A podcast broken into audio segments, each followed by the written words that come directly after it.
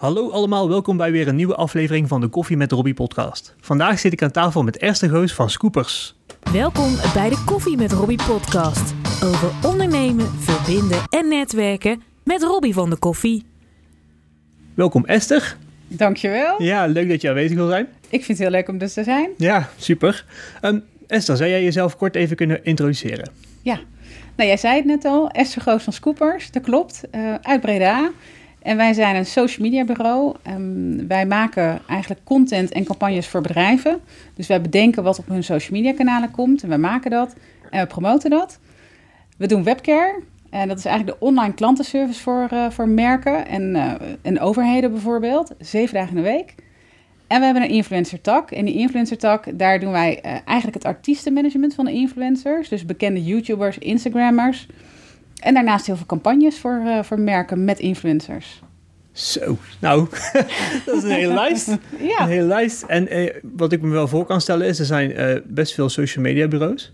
Um, je kiest wel drie disciplines uit die ik je zo hoor zeggen, die ook wel redelijk specifiek zijn. Ja. Waarom die drie disciplines? Ja, eigenlijk um, van origine ben ik gestart met het stuk content en campagnes.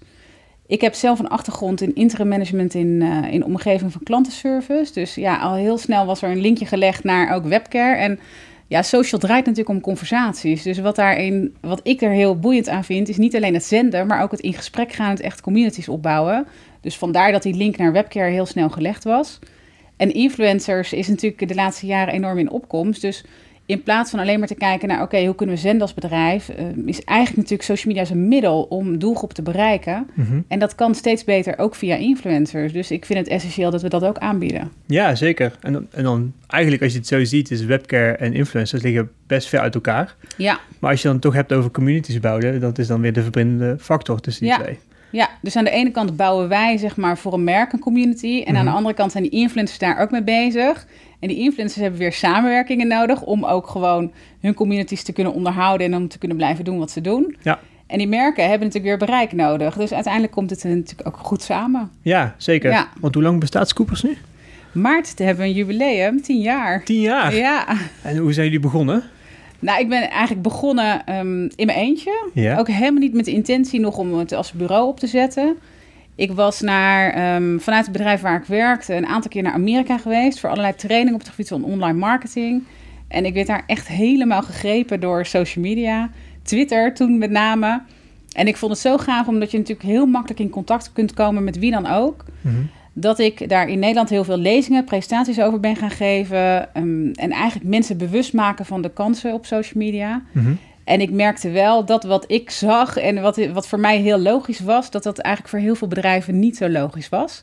Dus ondanks dat ze dan meer over wisten, dan kennen ze nog steeds een goede toepassing niet. Mm-hmm. Nou, en dat heeft er eigenlijk tot geleid, toe geleid dat ik op een gegeven moment heb gezegd van, nou weet je wat, laat het mij voor je doen. Dan help ik je om social media in te zetten. En zo is eigenlijk het balletje gaan rollen. Oké, okay, gaaf. En, en Ja. waar is dat dan vooral mee begonnen? Zijn het vooral campagnes geweest? Of?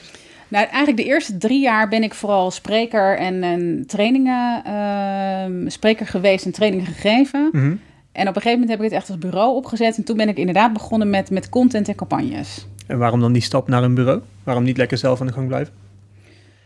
Omdat ik um, ten eerste, er komt heel veel bij kijken bij social media. En je kunt gewoon niet alle disciplines even goed doen. Dus ik ben zelf heel sterk in concepten bedenken, in strategieën bedenken. Maar ik ben geen grafisch vormgever. Advertising kon ik in het begin ook nog. Daar zou ik nu me echt niet meer aan wagen. Dat is echt een specialiteit ook geworden. Mm-hmm. Dus je hebt daar meerdere specialisten voor nodig. En ik vond ook wel dat de bureauwereld wel wat opschudding kon gebruiken. Ik, ja, ik keek daar wel naar van, nou goed, als ik kijk naar traditionele reclamebureaus. Ik zie ons wel als een nieuwe stijl reclamebureau. Ja, ja, dus kom je ook wel me over hoor. Zeker ook, je bent best wel op tijd in influencer marketing gedoken. Ja. En ik heb het idee dat iedereen daar nog steeds een beetje achteraan hobbelt. Ja. Terwijl in Amerika is, is dat zo groot dat een podcast zonder een sponsor of wat dan ook, dat, dat is er niet. Nee. Dus ik denk dat we in Nederland nog heel veel te winnen hebben en dat we wat dat betreft traag zijn. Denk je dat er een reden is waarom we in Nederland daar zo traag mee zijn? Nou, ik zou ons niet per se traag willen noemen, maar ik denk dat er hele grote verschillen zijn tussen um, ja, doelgroepen en leeftijden op dit moment. Dus je ziet natuurlijk dat. Kijk, wij hebben heel veel te maken met, uh, met uh, eigenaren van bedrijven, met marketingmanagers, uh, met online marketeers. En zij hebben gewoon heel veel moeten aanpassen in de afgelopen jaren. Vroeger was natuurlijk reclame maken heel ja, recht toe, recht aan. En het enige wat je nodig had was een reclamebureau met een heel vet concept of een gaaf idee. Mhm. Maar je wist allemaal al, ja, het moest op tv, het kon op de radio of op het billboard. En dan hield het wel een beetje op. En Ja. nu zijn er natuurlijk zoveel mogelijkheden. En ik denk dat het daar heel veel mee te maken heeft. Die wereld verandert gewoon heel erg snel. En het is denk ik niet alleen voor Nederland, want in Nederland lopen we in verhouding nog best wel gewoon Mhm. voorop hoor. Alleen het is nog gewoon een nieuw fenomeen en veel bedrijven moeten het nog ontdekken. Ja, en daar ben jij voor. Ja, daarom, daar helpen we graag bij. Ja. ja. Ja, en je zei dat je zelf heel sterk bent in het, eh, in het creëren van concepten. Heb je dat ergens vandaan gehaald? Is dat iets, iets wat van vroeger uit altijd al is geweest? Niet per se, maar ja, noem me een bedrijf en ik kan zo bedenken hoe ze goed op social media kunnen scoren. En dat heeft ook te maken met eigenlijk heel goed kunnen verdiepen in wat wil een doelgroep zien. Ja. En waar raakt iemand door getriggerd? Uiteindelijk is het enige wat wij bedenken is... hoe zorg je ervoor dat iemand stopt met scrollen op zijn mobiel? Ja? Dus waarom, ja. Waarom zou iemand stoppen bij, jou, eh, bij jouw post? En als je dat doet, is eigenlijk gewoon maar één toepassing... die ik eigenlijk op ieder bedrijf, ieder dienst, ieder organisatie kan toepassen. Mhm. En is het dan vooral de, het doel, zeg maar, ik wil iemand triggeren? Of is het het doel van, je moet vooral consistentie laten zien? Eh, dat ligt eraan natuurlijk wa- wat je doel is met social media. Mhm. Ehm, wat ik al zei, het is natuurlijk een middel en geen doel op zich. Dus het gaat niet alleen om de post. Hè. En ik, je begint met het stoppen met scrollen, Mhm. anders word je niet gezien. Ja, Maar dan wil je mensen iets laten doen. En wat je ze laat doen, dat kan natuurlijk heel divers zijn. Het kan zijn, eh, je wil dat ze iets van je kopen. Maar het Mhm. kan ook zijn dat je naamsbekendheid wil. Of eh, dat je ze wil dat ze mee gaan doen met iets. eh, of of ehm, gaan reageren op je post. Dat kan eigenlijk van alles zijn. ja, inderdaad. En hoe ziet je bedrijf er nu uit? Want vroeger deed je alles zelf. En ja, je Ja. kon dus niet grafisch vormgeven, dus die zal heel snel bij zijn gekomen. Ja, Hoe is Ja. dat nu? Nou, ik vertelde eigenlijk die verschillende disciplines en daar zitten ook allemaal verschillende teams op. We werken inmiddels met 35 man. Dus ehm, ja, dat zijn allemaal verschillende teams met eh, eigen specialisten die heel goed zijn in hun vak, heel goed in hun werk. En ehm, ja, ik stuur dat aan. Gaaf. En de specialisten van tegenwoordig, worden die al heel goed op, op, eh, op school opgeleid? Of is het nog steeds zo dat het vooral heel veel praktijkervaring is waar het eigenlijk vandaan moet komen? Ja, was het maar waar. En ik, ik heb ook wel eens gehoord, want we hebben wel eens gastcolleges gegeven op het Erasmus Universiteit bijvoorbeeld. En wij doen heel veel gastcolleges voor eh, HBO-opleidingen. Ja, en wat we horen is, het is voor die opleidingen heel moeilijk om lesmateriaal up-to-date te houden. Want op het moment dat het lesmateriaal gemaakt is, is eigenlijk de trend alweer veranderd. Dus je ziet eigenlijk dat de mensen die net van hun studie komen wel gewoon de basics kennen. Maar het echte, echte vak leer je pas in de praktijk inderdaad. En, en wij moeten daar wel heel veel aan doen qua opleiding en, en bijscholing en gewoon ervaring op doen. Ja. En Ja. dan heb je dan binnen de teams, wordt dan die ervaring gedeeld? Of eh, heb je juniors en seniors binnen de teams? Ja, ja, klopt. Dat doen we zo. En eigenlijk ons webcare team is ook een beetje onze kweekvijver voor intern. Oh ja? Dus daar beginnen vaak studenten. Dat zijn vaak HBO, communicatie, journalistiek studenten. En die beginnen dan met een bijbaan in ons webcare team. Mhm. Omdat het natuurlijk een perfecte bijbaan is om gewoon wel werkgerelateerde ehm, ervaring op te doen. Die, of opleiding gerelateerde werkervaring op te doen. Zo moet ik hem zeggen. Ja. En ja, dan zie je eigenlijk, die, als die mensen klaar zijn met de studie, dan is het ultieme moment om door te stromen. En dan hebben ze inmiddels zoveel kennis van eigenlijk het community stuk, dat ze ook heel makkelijk weer door kunnen in, eh, in een van de andere onderdelen. Ja, en super slim. E- Eigen kweekvijver creëren. Ja. Ehm, maar, heel veel bedrijven doen het volgens mij niet. Is het zo dat je ook nog wel heel veel eh, talent van buitenaf krijgt? Mensen die al ervaren zijn, mensen die bij andere bedrijven vandaan komen? Ja, als je bedrijf groeit, heb je natuurlijk altijd eh, verschillende mensen in verschillende rollen nodig. En, en ook met verschillende senioriteit. En het is aan de ene kant goed om mensen te hebben met echt de allerbeste social media kennis. Maar we hebben ook mensen nodig die heel veel ervaring hebben in het bedrijfsleven en in marketing. Dus het is wel die combinatie. En bijvoorbeeld projectmanagement heb ik mensen nodig die gewoon het allerbeste projecten kunnen leiden. En, Mhm. en dat zijn ook mensen met ervaring. Ja, en dan hoef je niet per se kennis te hebben van de in diepte van de, de projecten, maar kun je wel zeg maar gewoon de mensen managen en de Absoluut. projecten managen en dan eh, ja, Ja, ja. gaaf. En influencer marketing, want hoe lang zijn jullie daarmee bezig? Nou, ik heb een tijdje geleden, eh, onze eerste campagne dateert denk ik van een jaar of zes geleden. Ehm, Mhm. dat, dat was toen een campagne, weet ik nog, voor een, eh, voor een Cava-merk, een Belgisch Cava-merk. Ja. Waarin we eigenlijk mensen inzetten om ook gewoon te helpen posts te maken eh, waarbij het idee van, het campagne, van de campagne overkwam. Mhm. En dat was een beetje de eerste start. En daarna heeft het, was het een aantal jaar wat rustiger. Toen waren er nog niet zoveel social media campagnes. En eigenlijk terwijl Scoopers groeide als bedrijf, groeide ook mijn eh, stiefzoon Jeremy met zijn eigen YouTube kanaal. Dus mijn stiefzoon is YouTuber geworden. Ja. En die had op een gegeven moment had hij management nodig. Hij kreeg steeds meer aanvragen voor samenwerkingen. En toen, ja, toen ben ik hem hier en daar wat gaan helpen. En zo is eigenlijk het balletje gaan rollen. Oh, super gaaf. Dus Ja. gewoon heel natuurlijk is hij meegegroeid met de tijd, zeg maar. Ja, en ik hoorde van hem natuurlijk ja, dat wat, wat influencers ook misten. Eigenlijk misten aan eh, management wat er wel was. Heel veel onduidelijkheid in die markt. eh, Hele onduidelijke samenwerkingen, geen transparantie. Ehm, ja, en als je natuurlijk zelf ehm, heel veel moeite hebt gedaan, heel veel jaren hebt gestopt vaak. Hè. We, eh, dag, eh, dag in dag uit zijn ze eigenlijk bezig met het maken van content. Mhm. Als je dat heel lang doet, dan wil je ook als daar samenwerking en als daar geld uitkomt, dat het ook goed behartigd wordt. Dus Ja. er is ook nog wel wat ja, terughoudendheid bij heel veel influencers. Bij wie leg je dat goed neer? En, Ja. Want die markt, maar, want jullie verbinden dan in mijn ogen de influencer aan de partij met wie zij willen samenwerken. ja. Ehm, hoe, hoe ziet zo'n samenwerking er vaak uit? Nou, wij proberen eigenlijk ehm, het meest te gaan voor langdurige samenwerkingen. Omdat het is natuurlijk het meest geloofwaardige als een influencer een merk vertegenwoordigt. Wij noemen dat vaak als ambassadeur. Mhm. Voor ehm, ja, een merk of een bedrijf waar die zelf ook achter staat. Misschien een product wat hij zelf al gebruikt. Eh, dan, dan, ja, dan krijg je echt het effect dat de, de community het ook gelooft. En ik zie in de markt wel heel vaak samenwerkingen waarin een bedrijf vraagt: Oh, vertel even iets over dit product. Noem daar even een eh, hashtag bij en vertel iedereen dat ze ons moeten volgen. Ja, En dat zijn eigenlijk niet de type samenwerkingen waar wij voor gaan. Ehm, en ook niet de influencers die bij ons zitten. Dus wij gaan voor langdurige samenwerkingen. Mhm. En daarin kijk je naar ehm, wat past bij het merk, wat voor doelgroep wil het merk bereiken. Hè? Dat is eigenlijk eh, het meest essentiële. Nou, en welke influencer past daar dan bij? En hoe ziet die influencer eh, zo'n samenwerking met zo'n merk? En we proberen dat dan zo authentiek mogelijk te houden. Mhm.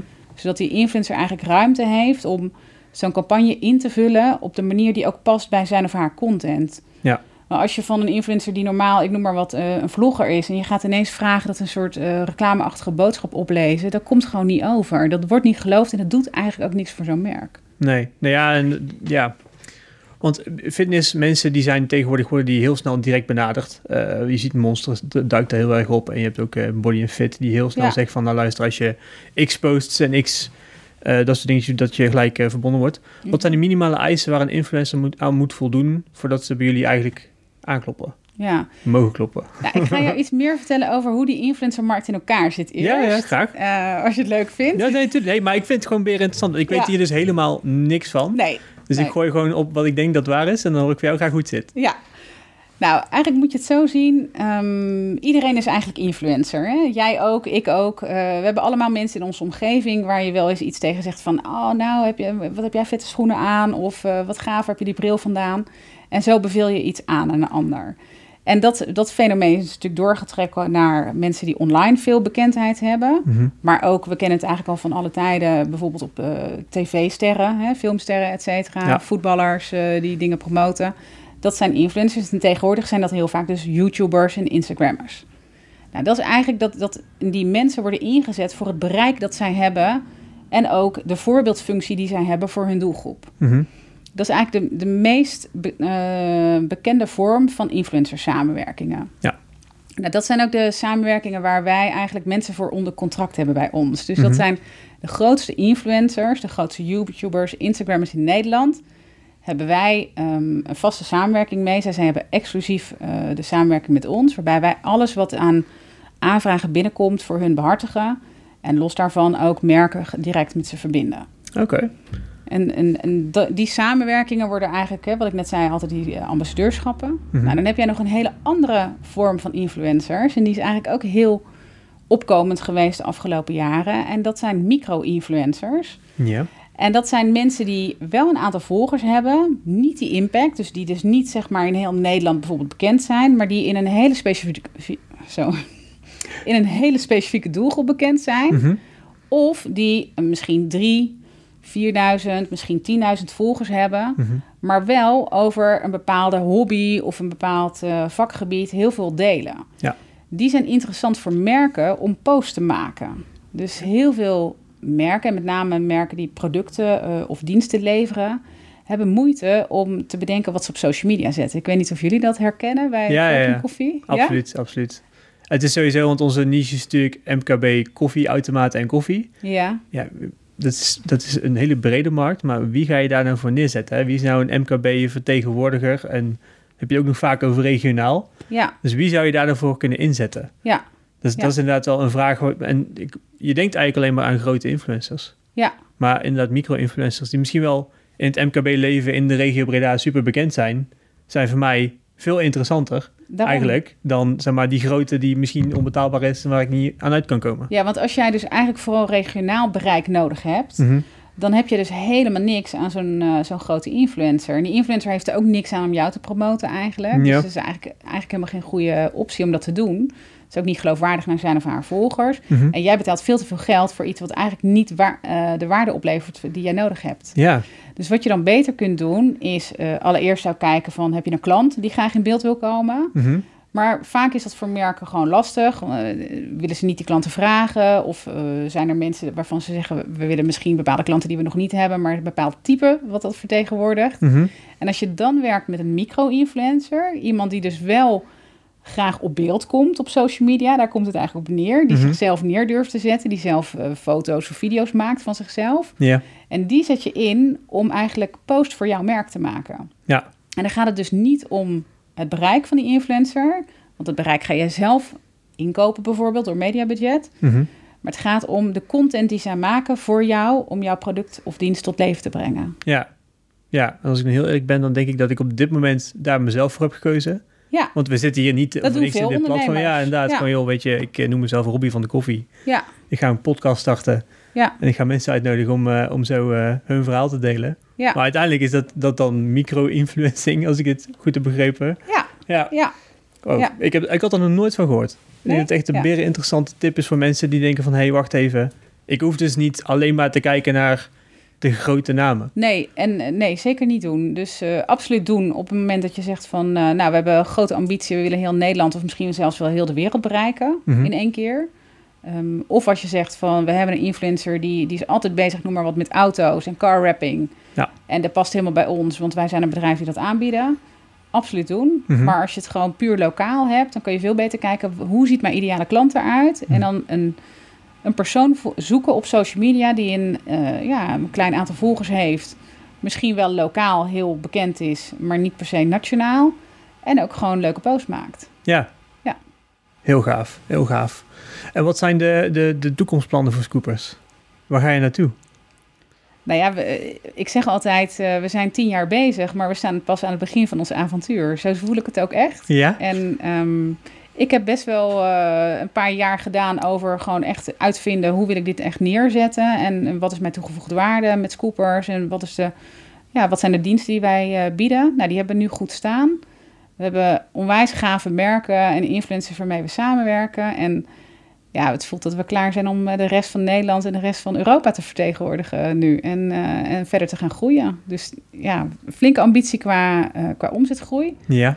Komende jaren willen we jaarlijks in ieder geval eh, 25 tot 50 procent groeien. Ja? Mits we de kwaliteit kunnen behouden. Want dat vind ik wel, resultaat en kwaliteit zit voor mij bovenaan. Wij zijn Ja. wel echt vakidioten. Dus Ja. wij houden van ons vak en van de kwaliteit.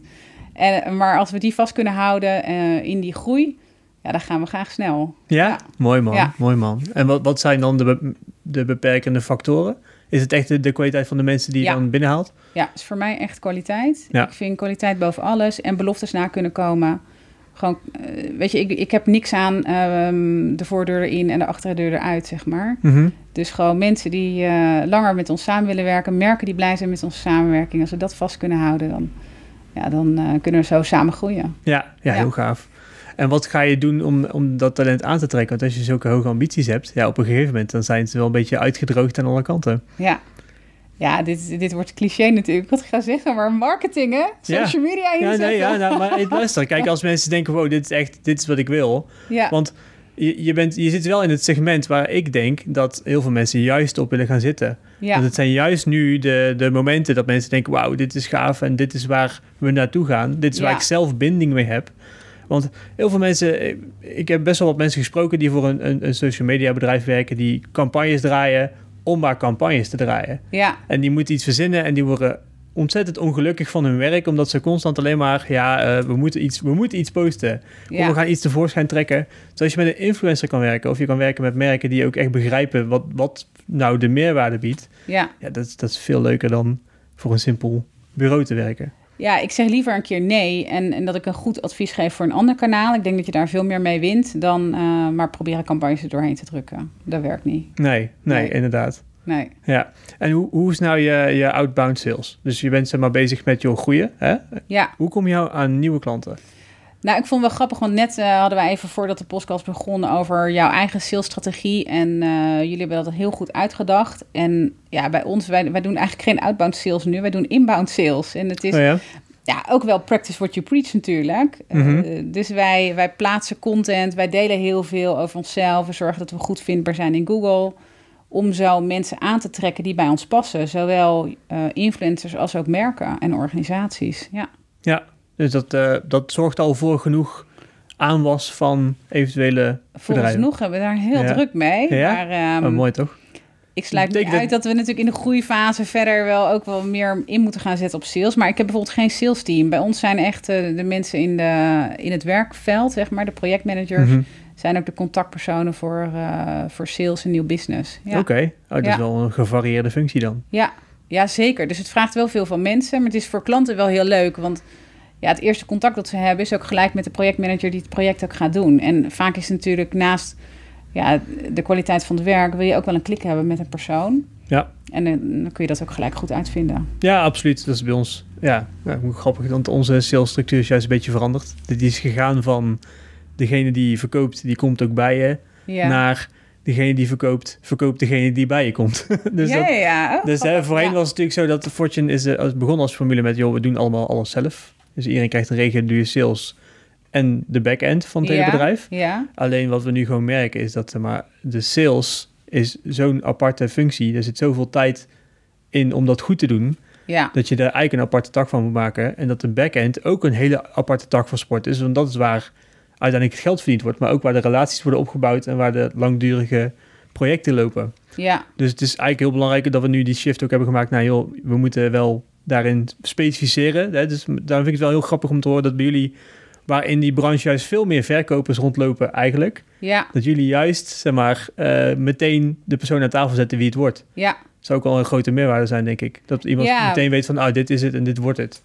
Ja, we doen het eigenlijk op de manier zoals we voelen dat zelf goed is. En natuurlijk is het ook wel zo, iedere fase van je bedrijf vraagt weer iets nieuws. Hè? Dus wat nu werkt, ik garandeer niet dat, uh, dat over twee jaar de structuur niet veranderd is. En je moet meegroeien met die processen. En als je natuurlijk met drie man werkt, heb je een ander bedrijf wanneer je met 35 man werkt. Heb je een ander bedrijf dan wanneer je met 500 man werkt. Dus daar passen ook weer andere processen, andere structuren bij.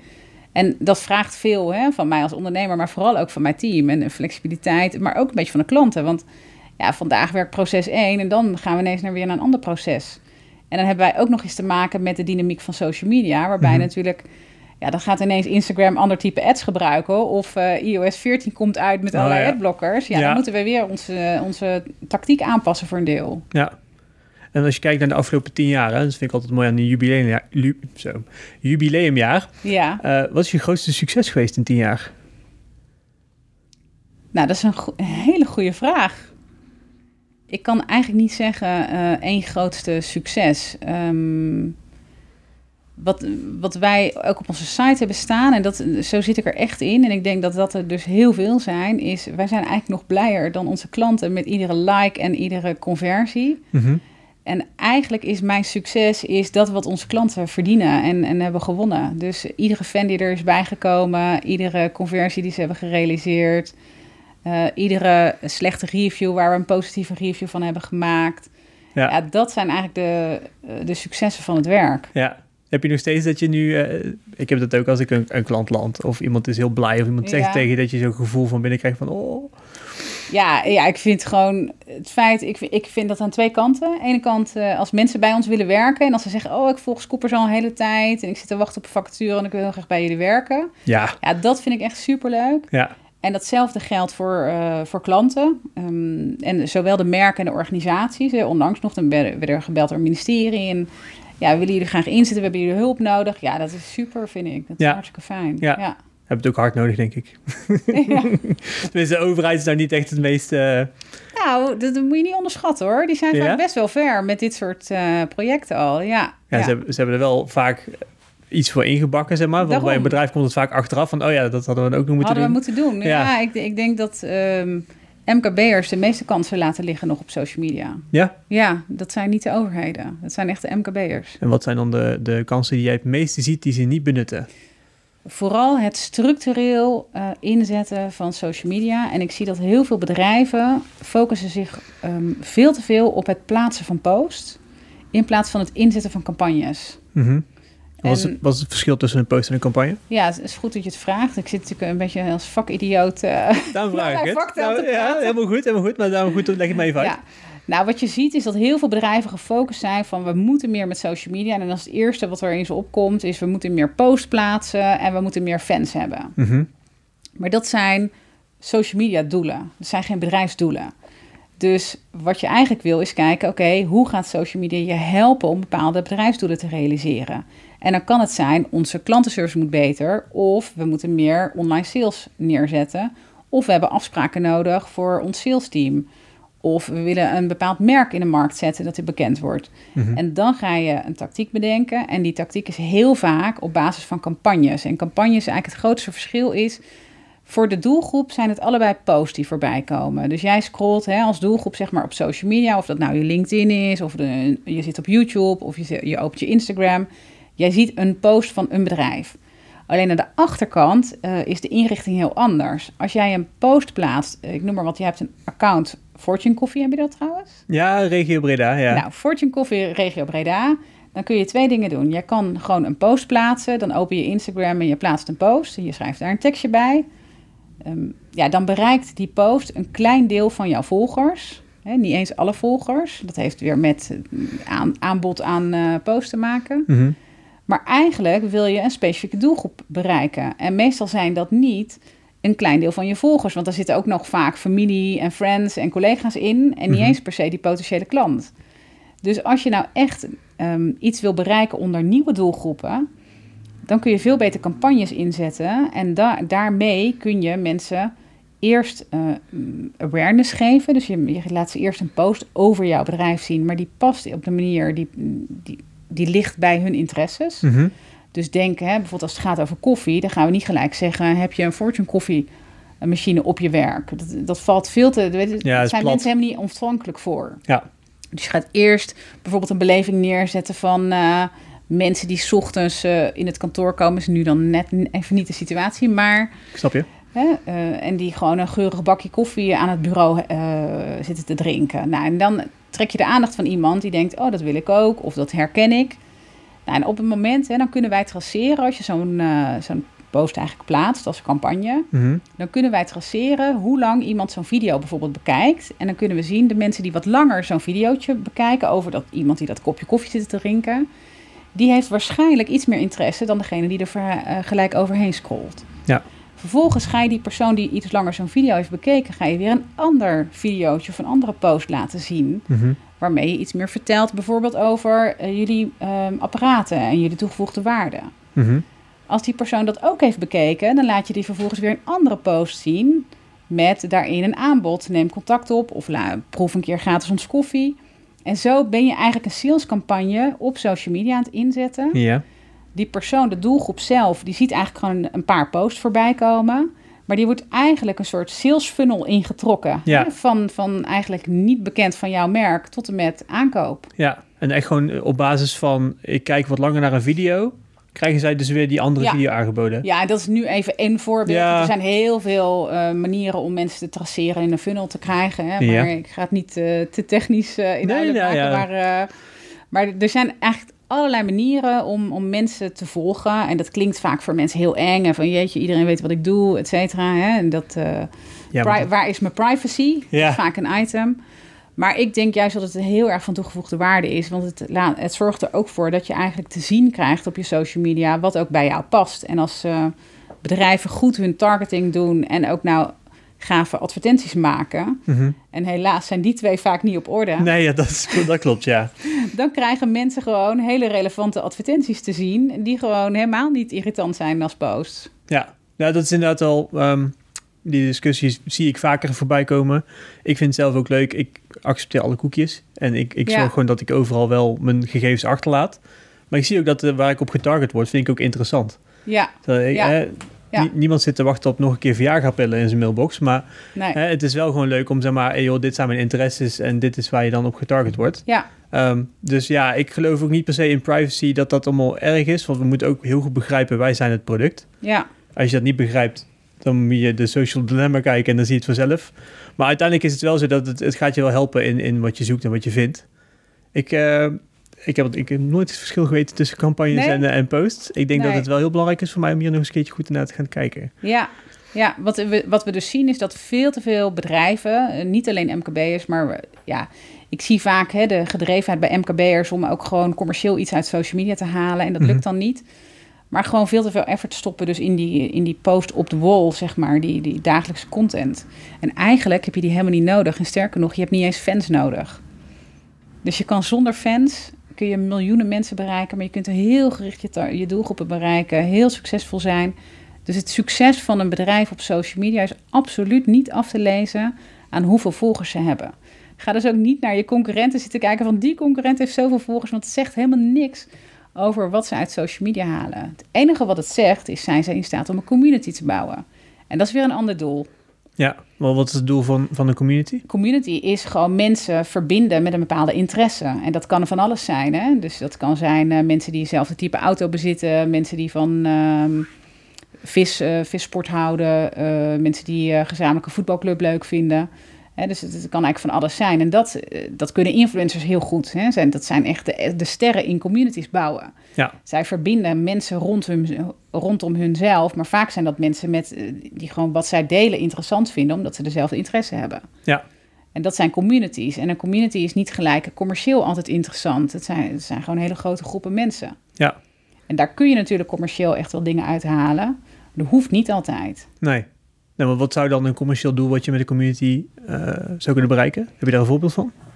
Ehm, nou ja, dat is eigenlijk bijvoorbeeld als influencer zijn dat samenwerkingen. Dat je dus, eh, en daarom wil je dus, stel ik, ik heb een community gebouwd rondom, eh, rondom vissen. Ja, Ja, dan slaat het nergens op als ik ineens koffie ga promoten. nee, nee, dat klopt. Ja, dat kun je beter... dan, sterker nog, dan haakt misschien de community zelfs wel af als ik dat een paar keer doe. ja, En dus je kunt dan ook alleen maar dingen promoten die daarbij passen. Dus Mhm.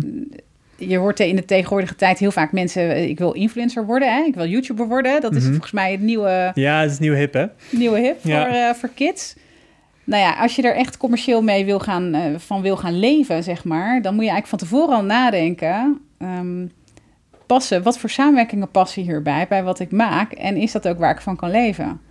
Alleen, ja, dat is, ik vind dat ook geen goede drijfveer overigens. Ik zou niemand aanraden om gewoon als doel te stellen YouTuber worden. Eh, je doet dat vooral omdat je een passie hebt over iets en daar deel, dat deel je graag. En het succes is dan vaak een bijeffect. Het is Ja. geen doel op zich. En als je daar succes mee hebt en je kunt daarmee doorgaan, is het natuurlijk hartstikke leuk om daar je vak van te maken. Ja. Maar de, de ambitie, die, ja, de hoeveel. eh, ehm, als ik zie hoeveel mensen nu, hè, en wij worden ook heel veel benaderd door, door mensen die zeggen van ik ben een beginnend influencer. Ehm, ja, die zijn vaak nog geen influencer. Nee. Eh, Dat, dat is niet de status die je zelf afdwingt. Het is een status die je krijgt van jouw volgers. Ja, inderdaad. Omdat je zeg maar gewoon jouw ding doet en mensen geloven Ja. in jou. Dus dat klopt. Ja, Ehm, stel je voor, je zit in een niche. En je denkt van, nou, weet je, ik vind dit zo interessant. Ik zou het gaan delen. Hoe zou je die mensen adviseren dit te gaan doen als ze YouTuber willen worden? Want we hebben het nou net over, joh, weet je, probeer niet YouTuber te worden. Mhm. Maar wat is nou wel de manier om te starten dan? ja. Nou, de manier om te starten is denk ik allereerst kijken van wat vind je leuk eh, om content te maken. Hè? Dus jij bent bijvoorbeeld begonnen met een podcast. Jij vindt het hartstikke leuk. Nou, dan, dan werkt het wel om daar goed over na te denken. Van oké, wat wil ik eigenlijk met die podcast bereiken? Wie wil ik bereiken? En met welke boodschap? Eh, wat vind ik belangrijk dat ik ze meegeef? Nou, jij zei tegen mij ondernemers, hè? Ja. kan je het eens vertellen. Dat is wel leuk. Nou ja, dat is wel leuk inderdaad. Dat dat is dus het doel achter die podcast. Ehm, ten eerste, ik zat altijd in netwerkclubs. Ja. En wat ik eh, daar ontzettend mooi aan was, vond, waren de één op één gesprekken met ondernemers. Dit wat wij nu aan het doen zijn. Ja, Ik vind beren interessant wat je doet. Ik vind het ook echt heel goed hoe je het vertelt. oké. Uh, maar dat miste ik, want ik ben gestopt met netwerkclubs. Ook nu kan het ook niet. En ik dacht van, hoe mooi is het als je die gesprekken nou schaalbaar zou kunnen maken? Ja. Dus je zou dat mooie gesprek wat je met iemand hebt, zou je online kunnen zetten en dat dus kunnen delen met je netwerk. Waardoor jij ook weer gedeeld wordt op iemand anders netwerk. Mhm. Waardoor het dus alsnog netwerk is. Waardoor je alsnog heel mooi de diepte in kan met iemand. Ehm, en ook gelijk iets terug kan doen voor iemand. Dus Ja. het is voor mij een win-win-win-win. Eh, dus ik word er ook ontzettend gelukkig van. Ja. Maar ja, het is een bedrijf, dus je wil ook dat het een doel dient. Eh, Ja. Dus ik nodig regionale ondernemers uit om daarmee in gesprek te gaan. Mhm. In de hoop dat ik via hun netwerk ook weer naar buiten gepusht Ja. word. Zodat ik daar weer eh, ten eerste andere gasten voor kan uitnodigen, maar ze ook kan introduceren aan ons merk. Want wat wij gewoon heel erg missen is naamsbekendheid. Ja. Ik denk dat je voordat je mij leerde kennen nog nooit van Fortune Coffee gehoord had. Nee, klopt. Nee. Ja. Dus je moet dingen doen die schaalbaar zijn ten eerste. En dat is netwerken en deur aan deur verkopen niet. Je kan maar één adres per zoveel uur doen. Ja. Terwijl een podcast, ja, die kan oneindig veel geluisterd worden. Hij hoeft maar één keer op te blazen. Ja. Je hoeft maar één keer de juiste gast te hebben en maar één keer de het juiste gesprek te hebben. En je kan in één keer een hele following hebben. Want die Ja. gaan je afleveringen terugluisteren. Die denken, hé, hey, wat leuk. Wat, eh, wat leuke gesprekken. Die leren mij kennen door de vragen die ik stel. En door de manier waarop ik mij in mijn podcast opstel. Want het is gewoon puur hoe ik ben. Ik hoef hier ook nul moeite Ja. voor te doen. Ja. Dus dat is de reden waarom ik die podcast ben gestart. Dus Ja. dan zit je toch wel meer aan die passiekant inderdaad. Alleen wat je wel ziet, is, eh, ja, je moet wel op een gegeven moment moet je ook wel het een beetje zakelijk bekijken. Want op, anders blijft het hobby. En hobby is leuk, maar eh, je moet wel kijken naar wat wil ik nou mee bereiken. Dus ik wil ook steeds grotere gasten uit kunnen nodigen. Wel nog steeds met het oog op West-Brabant, zodat ik nog steeds wel in mijn eigen regio blijf functioneren. Maar wel gewoon, ja, wees ambitieus en probeer gewoon steeds grotere mensen hier neer te, neer te zetten. Ja. Ja, dus voor jou is eh, de podcast een middel om zeg maar je naamsbekendheid en je merkbekendheid te vergroten. Mhm. Nou, wat je nu doet is je maakt die podcast en je uploadt hem hè, op verschillende kanalen, Ja. onder andere Spotify te, te vinden. Mhm. Alleen wat het nadeel is, is dat veel mensen het niet weten. Mhm. Dus zij komen dan niet automatisch bij die podcast uit. Ja. Hè, dan moeten ze echt weer van jou rechtstreeks horen. Ja. En dan blijf je eigenlijk in één kring zitten. Wat ik zou doen, stel je komt met zo'n vraag bij mij, Ja. ehm, dan zou ik zeggen: we maken er een campagne van Mhm. en we gaan mensen in, we pakken een paar quotes uit zo'n podcast. We maken daar een video-opname van. Ik heb niet voor niks vandaag video. Ja, ja, ja, zeker, zeker. Ik word hier meteen beleerd, dus dat is mooi. Ja, ja. Nee, maar het is om je te helpen. Het is niet, niet positief, hè? Positief. Nou, ik vind beleerd positief, zeg maar. Want I'm getting schooled, om het zo te zeggen. Ja, ja. Van, ik vind het mooi. Ja, dus je pakt eigenlijk eh, twee, drie sterke quotes uit zo'n filmpje. Daar maak je gewoon een 40 seconden videootje van. eh, waarin je jou duidelijk ziet met, in gesprek met een ondernemer. Mhm, Dat adverteer je bijvoorbeeld op een LinkedIn of op een Facebook, Instagram. mhm. Ik zou zelfs beide proberen, want je wil gewoon kijken wat scoort het beste.